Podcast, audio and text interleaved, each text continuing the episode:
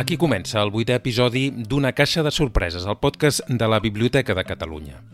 Aquesta vegada ens endinsarem en un dels fons més interessants de la biblioteca, l'Arxiu Històric de Ràdio Barcelona.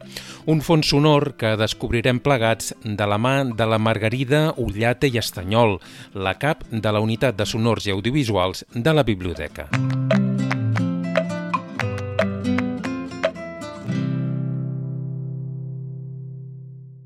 La Biblioteca de Catalunya és una caixa de sorpreses.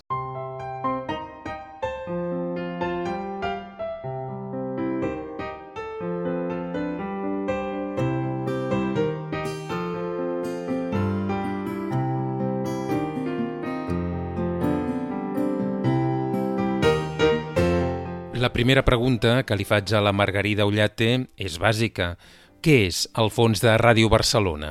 El fons de Ràdio Barcelona és el fons històric de ràdio més antic de l'estat espanyol. Això vol dir que, sent la ràdio més antiga, té documents sonors originals de l'any 1924, que és quan es va crear? No. L'any 1924, com molt bé explica en Ramon Sunyer en un article al blog de la biblioteca, no hi havia aparells per enregistrar domèstics. Eh, llavors doncs, es van fer servir, és veritat, un aparell que es deia Propavox, que es va importar, però era per gravar discos i n'hi havia molt pocs. L'arxiu històric de Ràdio Barcelona comprèn, doncs, una etapa de gairebé 70 anys, des del 1924, quan es crea, fins als anys 90, que és quan ingressa a la Biblioteca de Catalunya. Però com és que aquest arxiu històric entra a formar part dels fons de la biblioteca? Ràdio Barcelona decideix donar el seu fons històric a una institució pública perquè ells no tenen un servei obert a l'usuari. Hi havia moltíssima demanda d'obtenir còpies d'aquest fons. Per tant, Ràdio Barcelona, jo crec que amb una decisió sàvia, va decidir que havia de posar tot aquest contingut a l'abast del públic i ells no ho podien assumir. Per tant, varen buscar una institució que sí que pogués assumir aquest eh, repte de posar un fons històric a l'abast de tothom i varen determinar que el millor lloc era la Biblioteca de Catalunya com a entitat bibliotecària patrimonial. Quan diem que la Biblioteca de Catalunya conserva l'arxiu de Ràdio Barcelona, estem parlant d'àudios, per tant, d'arxius de so. Hi ha una part de l'arxiu històric d'aquesta emissora que no és a la biblioteca. Gran part del fons administratiu que es va conservar de tota la producció històrica no el tenim nosaltres, sinó que és a la Universitat Autònoma de Barcelona. Per tant, aquí van venir els fons radiofònics, tot el que era àudio per donar un accés públic, però tota la documentació impresa o mecanoscrita la tenen a la Universitat Autònoma, a la facultat, que ara no sé quin nom té, de, de comunicació audiovisual o... Abans era periodisme. Per tant, això vol dir que els guions radiofònics són a la Universitat Autònoma. Sí, i els tenen digitalitzats i es poden consultar i és un molt bon complement amb el fons que nosaltres tenim aquí. O si vols dir-ho al revés, el fons que tenim aquí és complementari del que tenen allà.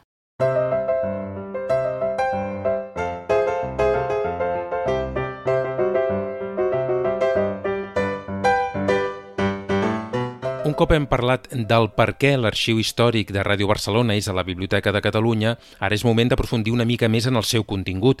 Quin tipus de documents podem trobar-hi? Està formada per dos blocs de documentació. Una pertany a l'Arximac, que és el conjunt de cintes magnetofòniques de la ràdio, que són aquestes que no en tenim de tan antigues, sinó que comencen a partir dels anys 50, i l'altre bloc, que és la discoteca, que és un fons magnífic, grandiós, format per tres petits subgrups, un que són discos de 78 revolucions, perquè l'any 24 i fins que no va arribar el vinil eren els discos que, que hi havia al mercat, després un altre conjunt de vinils. I després un petit grup d'uns 2.000 discos d'importació que en deien que contenien música electrònica. També és veritat que es complementa aquest fons donat per Ràdio Barcelona amb un altre fons que va venir bastant posteriorment de la mà d'un dels assessors de direcció de Ràdio Barcelona, Jordi Jané, que contenia precisament molts d'aquests discos que us he explicat que sí que es podien enregistrar als anys 30 amb el Propavox i això fa que el fons de la Ràdio Barcelona es pugui escoltar pràcticament des dels inicis fins als anys 90, que és quan va arribar aquí.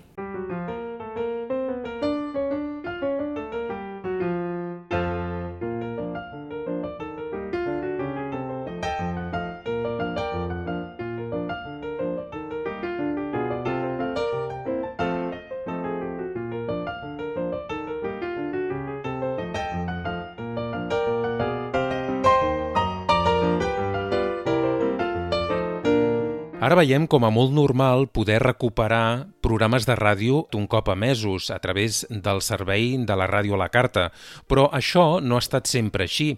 Abans la ràdio sonava una vegada i prou, en el moment en què s'oferia l'emissió en directe. No s'enregistraven, no es podia permetre el luxe cap emissora d'Europa que jo sàpiga d'anar enregistrant en disco tota la producció radiofònica del moment. Això no, no, no existeix en lloc.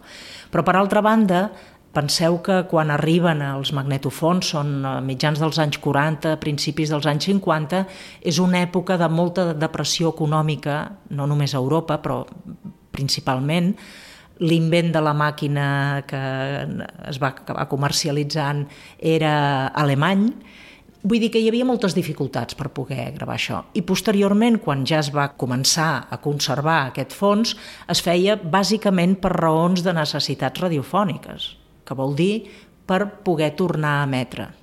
Què és el que es guardava per poder tornar a emetre? Talls de veu, alguns programes que tenien contingut que preveien que podia ser reutilitzat i els radioteatres.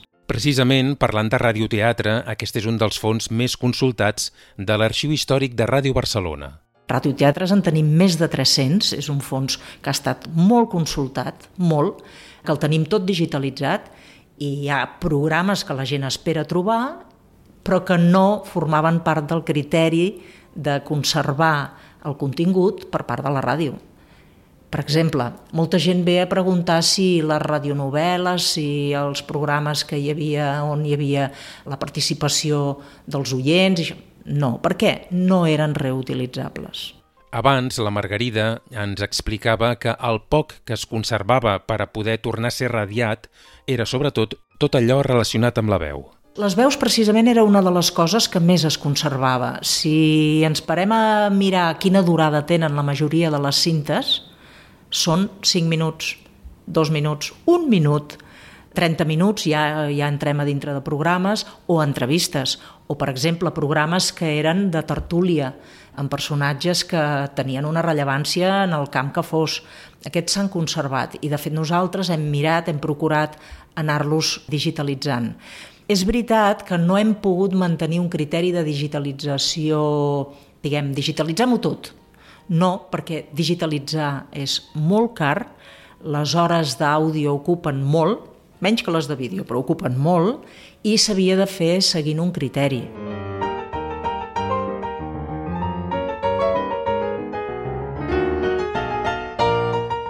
gràcies a, als coneixements del Ramon, sabem que hi ha moltes cintes, no et sabria dir la proporció, que no són originàries de Ràdio Barcelona, sinó que són aquelles que s'intercanviaven entre corporacions d'arreu de, del món, de fet. Clar, aquestes estan guardades a tots els arxius. No cal que nosaltres també la digitalitzem. Nosaltres ens hem centrat bàsicament en preservar aquella producció original de Ràdio Barcelona i també aquella que té interès patrimonial català.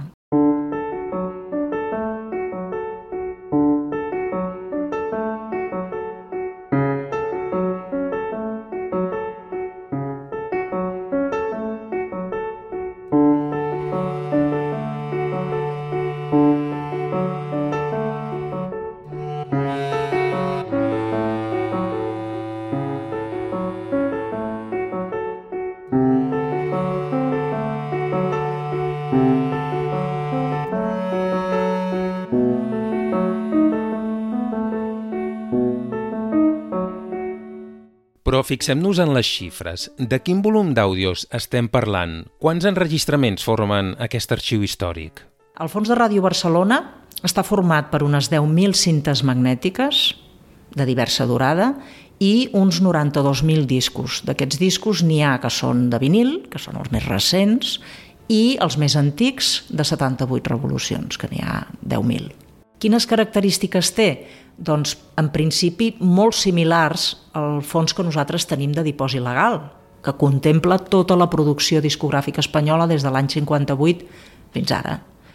Què passa? Que troben molta utilitat en el fons de Ràdio Barcelona per aquells discos que o bé es van importar o bé no varen fer dipòsit legal per la raó que sigui i Ràdio Barcelona tenia moltíssima facilitat per accedir a tota la producció discogràfica del país i a més a més radiar-la, que és, era per aquest motiu pel qual les companyies discogràfiques donaven còpies a les ràdios dels discos que produïen. I tot aquest fons es pot consultar? Sí, sí, tot està a l'abast del públic. El que pot passar és que vingui un usuari, demani una cinta i aquella cinta no estigui digitalitzada. Nosaltres no li portem la cinta a la sala. El que fem és que li digitalitzem en el moment i se li serveix una còpia d'accés que és de consulta i que ens, a nosaltres ens serveix també per preservar l'original i no haver de traslladar a la sala de lectura un reproductor específic. Potser hi ha molta gent, Margarida, que no sap ben bé què és això d'una cinta magnètica o magnetofònica. Li podríem explicar? Sí, així com molta gent està familiaritzada amb els discos de vinil, perquè tornen a sorgir ara, eh, les cintes magnètiques tenien diverses presentacions, però les dues més conegudes eren la casset domèstica, que aquesta potser és més eh, familiar a, inclús a gent jove. Però les que tenien un caràcter més professional es conservaven en una bobina, es conservaven bobinades, i aquestes necessitaven d'un aparell específic per ser reproduïdes, similar a la que, si us imagineu, les pel·lícules que tenien una bobina amb una banda, l'altra amb una altra, doncs molt semblant, però passaven cintes d'àudio. I aquestes cintes eren magnètiques perquè el so s'hi podien registrar a través d'un magnetisme i per impulsos elèctrics. Igual que les cintes eh, de casset, però la presència era diferent, era en bobina. El que és interessant que sàpigues és que d'aquests arxius de so, de l'arxiu històric de Ràdio Barcelona, en pots demanar còpies. A banda de poder-se consultar, que consultaràs, com he dit, el fitxer digital, tu també en pots demanar una còpia, però això passa amb tots els documents de la biblioteca. Et pots trobar amb alguna restricció, per exemple, que el document no estigui eh, en un ús òptim per ser reproduït, això ens hi podem trobar, però ja ho avisem, però sí tu pots demanar una còpia sempre i quan sigui per un ús privat.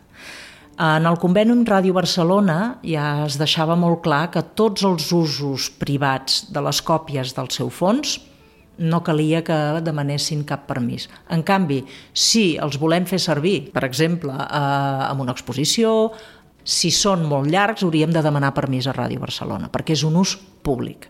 Però tots els usos privats eh, estan garantits i protegits. Un cop tenim clar que en volem una còpia, com ho hem de fer? Quan ens entra a catàleg, sempre que veieu un document sonor que diu repositori intern, vol dir que està disponible digitalment.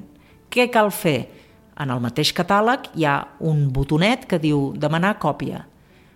Us faran omplir una, les vostres dades i les dels documents que demaneu i quan es rebi aquesta petició miraran de fer-vos una còpia i enviar-les via WeTransfer o com vosaltres digueu. Hi ha gent que s'estima més venir a recollir-ho aquí amb un suport físic. Hi ha gent que no, que directament demana que se li enviï.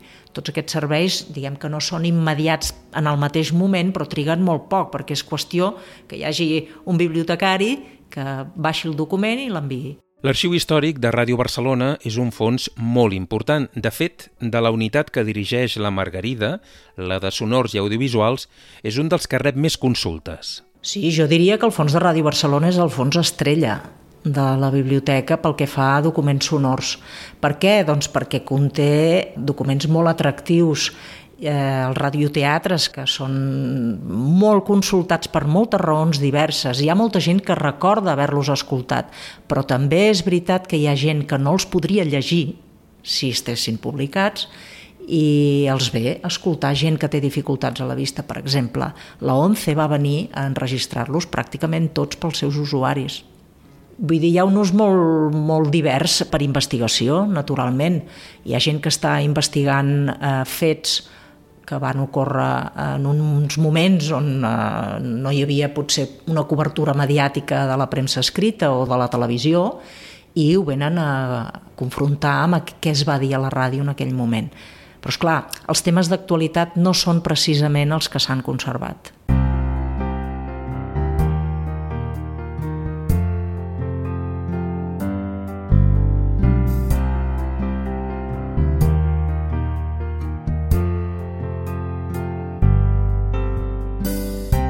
Una part potser menys coneguda del fons històric de Ràdio Barcelona és el que formen una col·lecció de suports sonors, uns discos, fets d'un material molt delicat. A banda del fons de Ràdio Barcelona que va ingressar el 1994, uns anys després, Jordi Gené va donar una col·lecció de cintes i de discos que ell havia conservat a casa seva durant molts anys. I això complementa una part històrica que no queda coberta per les cintes i que consta d'uns discos instantanis fets amb un material molt sensible i molt fàcil de degradar que justament el professor de la Universitat Autònoma de Barcelona, Armand Balcebre, va venir a fer-ne un estudi, eh, els va contextualitzar i, si no tinc mal entès, va publicar un article eh, molt aclaridor justament aquest tipus d'usos del nostre fons és el que creiem que aporten un valor afegit. És a dir, quan ve un expert, investiga i aquesta investigació la fa pública. Aquests discos antics que ens comentava la Margarida, els discos instantanis, daten aproximadament de l'any 1935. Són uns discos molt fràgils que a més a més estaven fets eh, amb una substància tòxica que es degrada molt fàcilment i aquest és un dels motius pels quals no n'han arribat gaires ni aquí ni en lloc. Són molt fràgils i molt difícils de recuperar. I en teniu molts de discos instantanis? Uh, uns 35 o 36 o d'aquest fons de Ràdio Barcelona estem parlant, eh? Sí, aproximadament. I què hi ha en aquests discos? Què s'hi pot sentir? Bueno, els discos eren molt breus, de, de durada, eren una durada de màxim 3 minuts, però, per exemple, recordo que hi havia un discurs d'en Terradelles en castellà, una mena d'arenga. Eh, hi havia també un radioteatre, un fragment d'un radioteatre d'aquest any 35, em sembla, i altres documents històrics, sí, sí, hi havia fragments de veu, fragments de noticiaris, però són tots molt breus. I es poden sentir, estan digitalitzats. Està digitalitzat, però eh, la digitalització és molt complicada. Penseu que si poguéssim veure ara una imatge d'aquests discos, tenen una superfície que queda com escardada i tu no hi pots passar una agulla per allà sobre sense que el so quedi com discontinu. Llavors, aquestes gravacions, a banda mm, que no es poden entendre totes d'una manera clara, segurament necessitarien un editatge posterior que nosaltres no hem fet.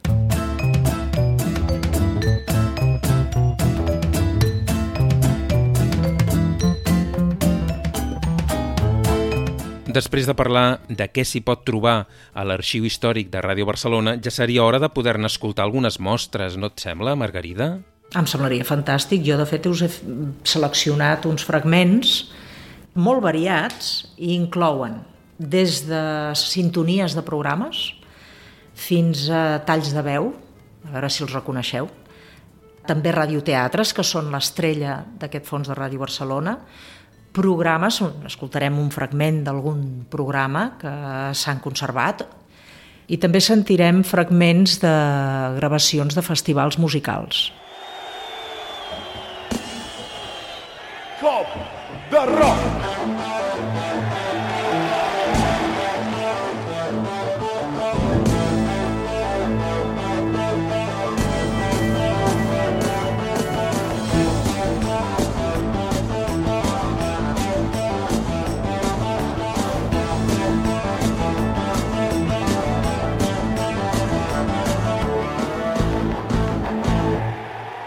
El que estem sentint és la sintonia d'un programa que va tenir molt d'èxit en el seu moment, que es deia Cop de Rock, i que va significar una mica un recolzament al desplegament del rock català dels anys 90.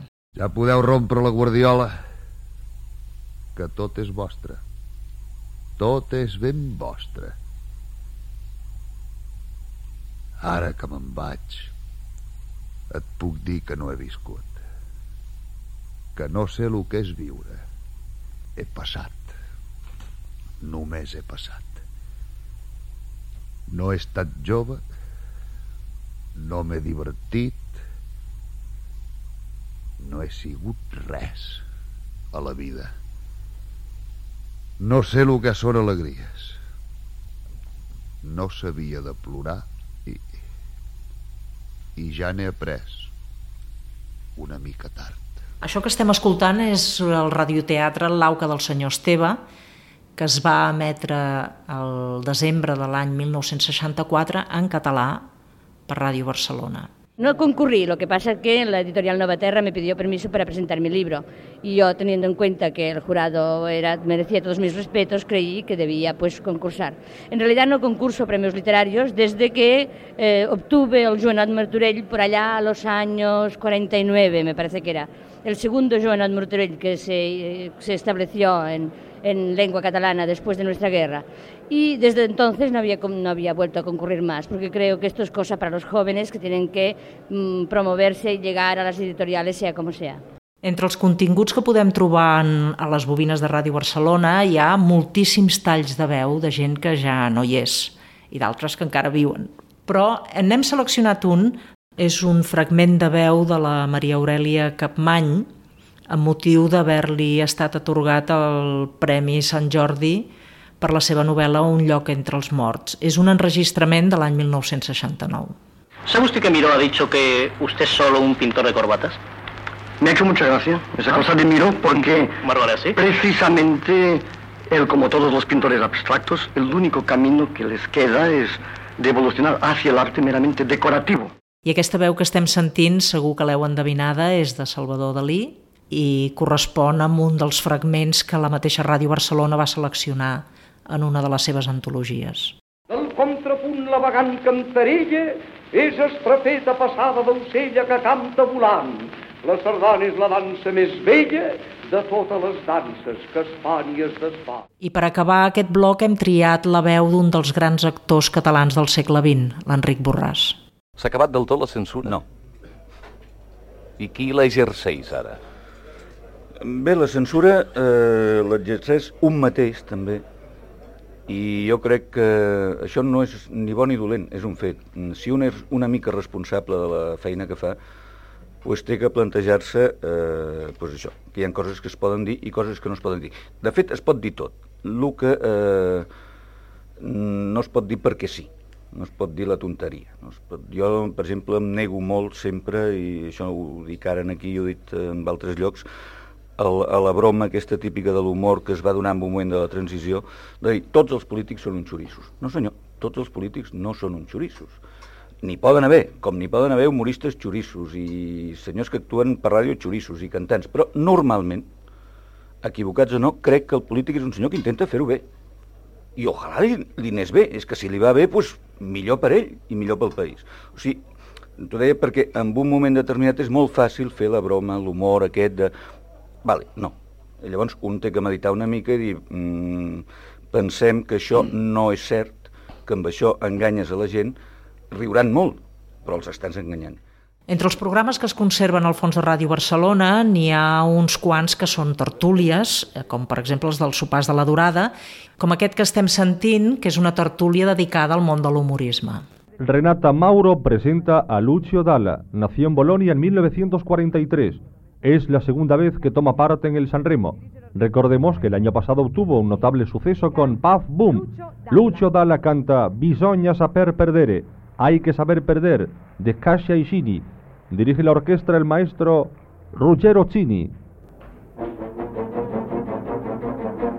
Tu non devi odiarmi se lei vuole bene a me. Capita ogni giorno quello che è successo a noi. Yo! Bisogna saper perdere, bisogna saper perdere, non sempre si può vincere e allora? Dins del fons de Ràdio Barcelona podem trobar cintes de contingut musical que fan referència a festivals de la cançó que s'havien celebrat arreu de la Mediterrània. Che in silenzio sparire. Oh, bisogna saper perdere, lo sai, bisogna saper perdere. Non sempre si può vincere come vuoi e quando vuoi.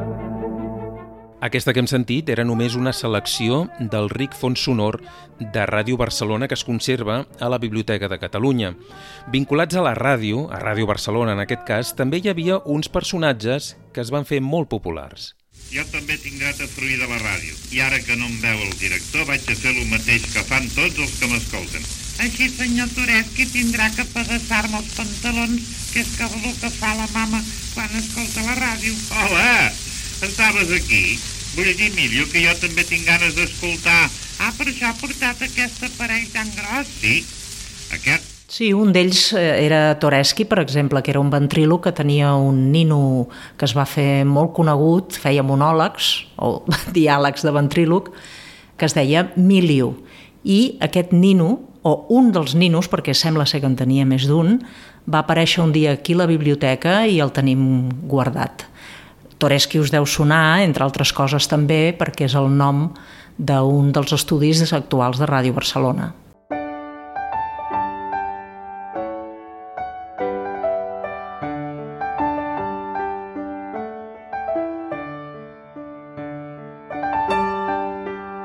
Estem arribant al final d'aquest episodi del podcast i abans d'acomiadar-nos, la Margarida Ullata i Estanyol ens explica per què ens pot ser útil l'Arxiu Històric de Ràdio Barcelona. El fons de Ràdio Barcelona té moltíssimes utilitats. Hi ha molta gent que ve perquè vol rescatar una cosa que té oblidada, perquè la vol regalar a algú que sap que li farà molta il·lusió.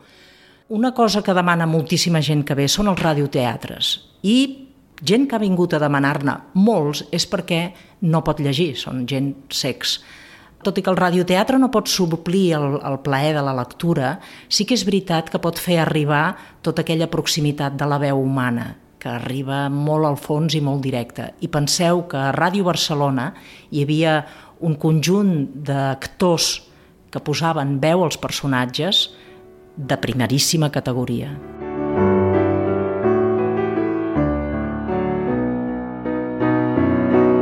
D'altra banda, el fons radiofònics, qualsevol fons radiofònic, és molt interessant perquè és la memòria oral d'un temps i d'un lloc.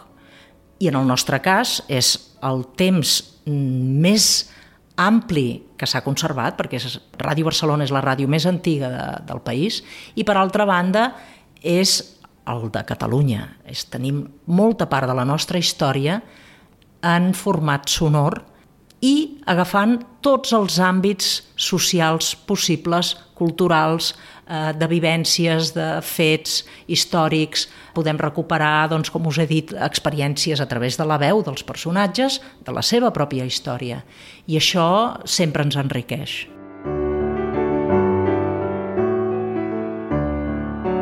Ràdio Barcelona va venir a la Biblioteca de Catalunya justament per formar part de tots els fons accessibles a la ciutadania, a tothom.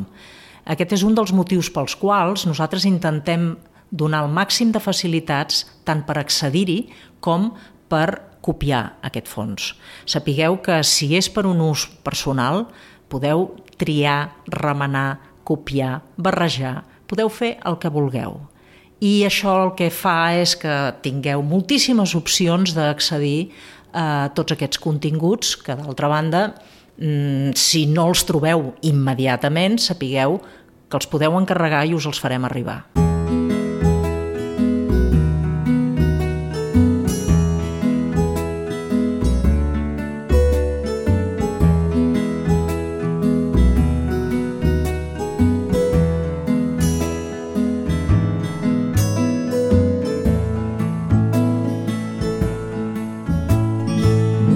Bé, doncs fins aquí l'episodi número 8 d'Una caixa de sorpreses, al podcast de la Biblioteca de Catalunya. Si vols ampliar tot el que ens ha explicat la Margarida Ullate i Estanyol, la cap de la Unitat de Sonors i Audiovisuals, trobaràs un seguit d'enllaços amb més informació a l'apartat del podcast del web de la biblioteca. L'adreça és bnc.cat barra podcast. I si vols contactar amb nosaltres per comentar-nos qualsevol cosa relacionada amb el podcast, ho pots fer a través de l'adreça de correu electrònic podcast arroba bnc.cat. Moltes gràcies per haver arribat fins aquí i fins al pròxim podcast.